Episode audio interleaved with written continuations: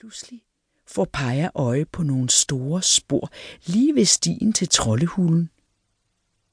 Sporene fører hen til en forladt myretue, og der forsvinder de ned i et hul under tuen.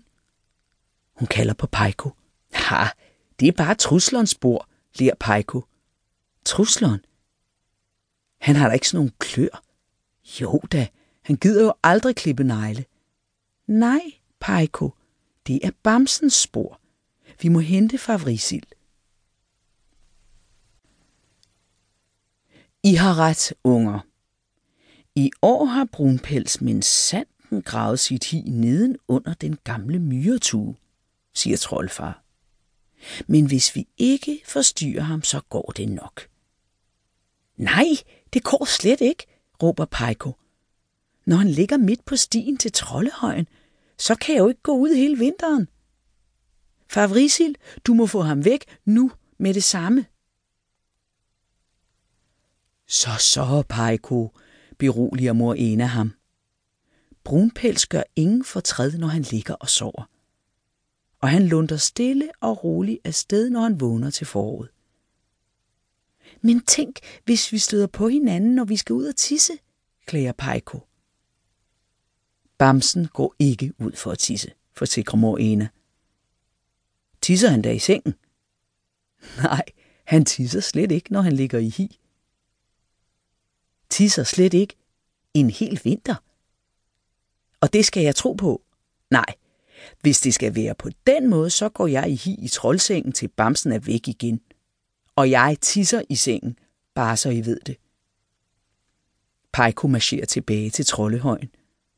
Der gemmer han sig langt inde under sengetæppet og vil ikke snakke med nogen. Trutsleren bryder sig ikke om al den snak om at tisse, for han sover i samme seng som Peiko. Nu kalder han alle troldeungerne sammen på værelset. Hør her. Vi vækker bare Storefod og jager ham væk, uden at mor Ena og far Vrisil ved det. Men hvordan skal vi gøre det? Spørger Paja. Vi laver en masse larm og tramper på hiet, griner Trutsleren. Og når han kommer ud, trækker vi bukserne ned og viser ham vores bare rumper. Det er det værste store fod ved. Så går han helt sikkert sin vej. Ha, han tager nok først en lunds af din fede rumpe, driller Vitar. Han bliver garanteret smadret sur, når vi vækker ham, advarer Skara. Så graver vi et hul lige uden for hiet, siger Vita. Når Storefod kommer stormende ud, falder han på hovedet ned i hullet. Perfekt! En rigtig bjørnefælde. Og mens han kæmper for at komme op af hullet, skynder vi os ned i troldehulen og låser døren, jubler trusleren. Ja, og så finder han nok et andet sted langt væk fra vores høj, siger Paja. Trollungerne er enige om, at det er en god plan.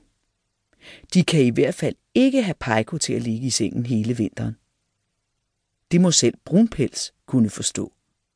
Kom nu, Peiko, siger Trutslon. Hullet skal være stort, så vi må hjælpes ad med at grave det. Du kan bære fra Vrisils hakke, så tager jeg skovlen, og Vita tager madpakken.